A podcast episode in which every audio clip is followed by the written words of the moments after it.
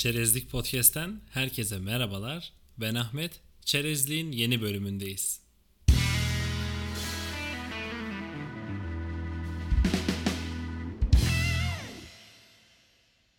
Uzun bir süredir yeni bölüm kaydedemiyordum. Çoğumuzun da etkisi altında olduğu bu pandemi dönemindeyiz. Ee, yaklaşık 3 aydır evden çalışıyorum ve mevcut iş yüküm son zamanlarda bayağı ağırlaştığı için podcast'e çok zaman ayıramadım. Ee, ben biraz daha fazla zaman ayırabilirim diye düşünürken aksine daha az zaman ayırabildim. Ee, benim için evden benim için evden çalışma açısından ilk deneyimim oldu. Bilinmeyen biraz tatlıdır ya. Böyle dışarıdan uzaktan böyle bana çok tatlı geliyordu. Yani yatsınamaz bir şekilde rahatlığı var. Hatta şöyle bir örnek vereceğim. E, Twitter'dan takip ettiğim insanlar arasında böyle önceleri e, okuduğum tweetlerde hep şu içerikleri görüyordum bu tweetlere. İşte abi evden çalışmak şöyle rahat olmalı böyle rahat olmalı gibi sohbetler dönerken bu çalışma şekliyle ilgili tecrübe sahibi insanlar bu tecrübeleri, deneyimleri aktarırken yani herkes için uygun olmadığını, çok da böyle dışarıdan görüldüğü gibi rahat olmadığını ve beraberinde getirdiği aslında öngörülemeyen bazı problemleri olduğunu söylüyorlardı ama ben hiç inanmıyordum bunlara. Düşünsene evden çalışıyorsun. Bunun nasıl bir problemi olabilir ki değil mi? Hani abi yat, kalk, otur çalış, ye, iç, otur çalış. Değil mi? Öyle olmuyor abi. Ben de öyle zannediyordum. Öyle olmuyormuş.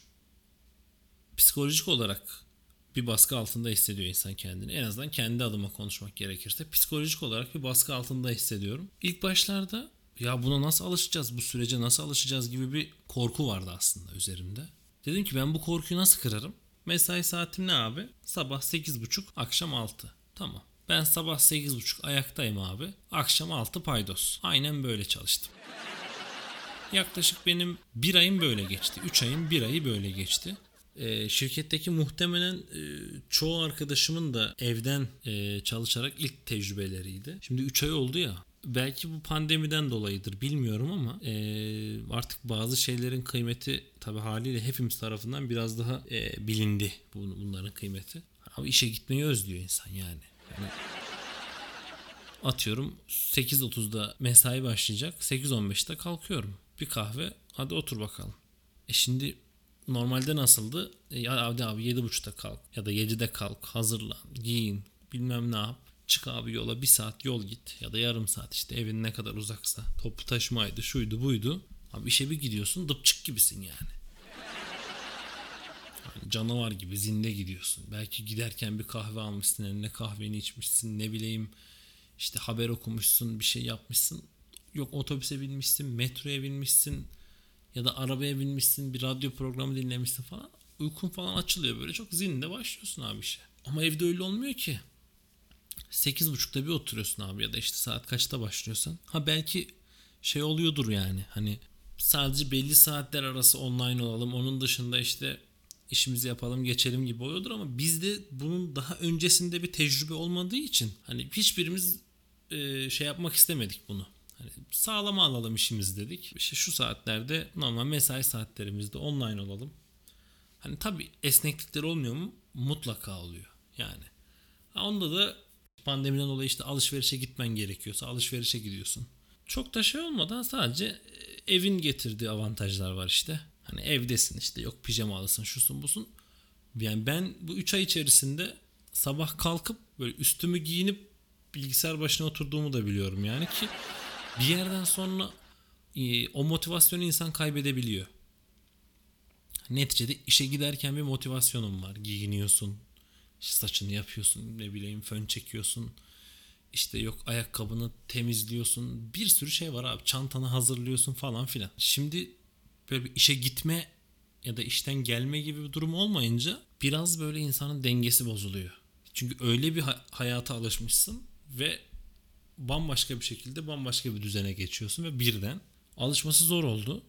Ha ne oluyor? Verimli geçiyor mu? Mutlaka verimli geçiyor. Sorsalar mesela bana deseler ki abi ofise mi gitmek istersin, evde mi çalışmak istersin? Hani bir düşünürüm mesela. Belki bir 3 ay önce bunu sorsalardı düşünmeden ev derdim örnek veriyorum. Hani evde çalışırım derdim ama hani bugün bunu sorduklarında bir düşünürüm yani. Biraz iş yükümüz de azaldı gibi. Umarım bundan sonra e, böyle bol bol vakit ayırıp bol bol yeni bölümler çekip bu ikinci sezonu böyle dolu dolu bir e, içerikle geçiririz diye ümit ediyorum. E, bugün konuşmak istediğim konu bir tık fazla. Önce şuradan başlayayım. Önceki bölümlerde hep böyle elimde önceden hazırladığım metinlerim olurdu. O metinlerden okuyarak devam ederdim bölüme. Bugün öyle bir metnim yok. Birkaç dinleyicimizden e, yorum aldım.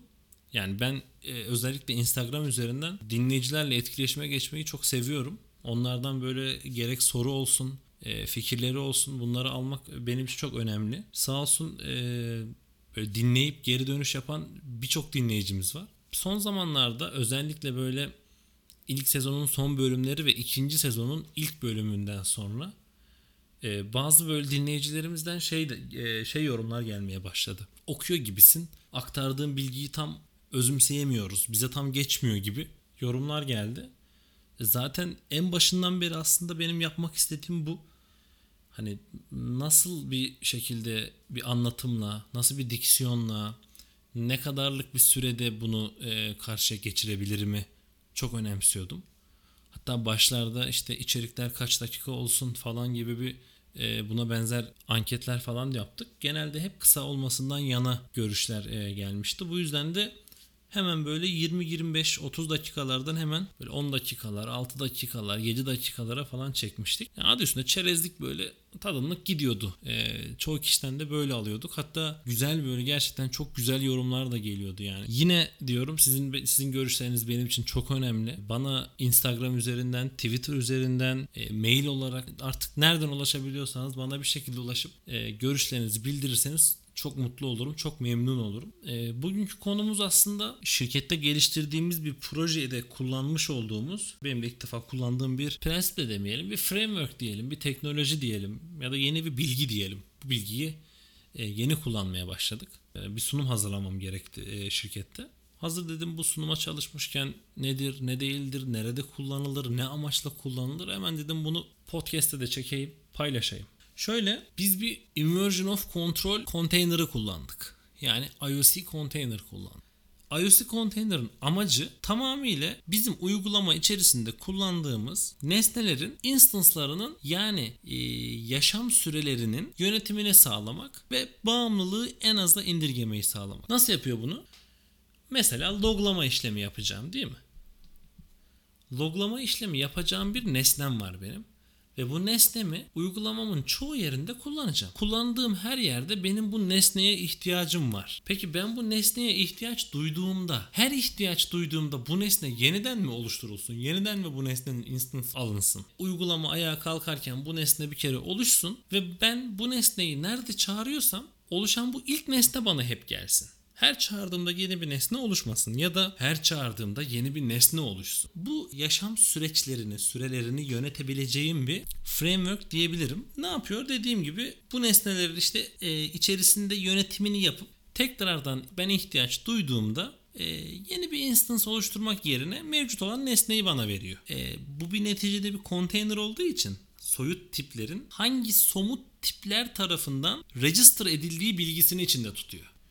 Yani demek istediğim konteyner kütüphanemize uygulamamızdaki bağımlılıkları register ederek tüm nesneleri bilmesini sağlıyoruz. E, bir tık derya deniz bir konu diyebilirim. Yani bunun için e, dependency injection'ı bilmek gerekiyor bu konu için. Belki biraz erken paylaşmış olabileceğim bir konu olabilir. Muhtemelen sizden gelecek yorumlara göre bir sonraki bölümde dependency injection ile ilgili bir bölüm çekmeyi planlayabilirim diye düşünüyorum. Kafalar biraz karışmış olabilir. Bana gerek sosyal medyadan gerek e-mail yoluyla dilediğiniz bütün soruları sorabilirsiniz. Dilerim güzel bir anlatım sunabilmişimdir. Dilerim faydalı bir bilgi aktarabilmişimdir. Ee, sürçülisan ettiysek affola. Dinlediğiniz için çok teşekkür ederim. Ayrıca bugün bayramın ikinci günü. Hepinizin bayramını kutluyorum. Ee, herkese sağlıklı günler.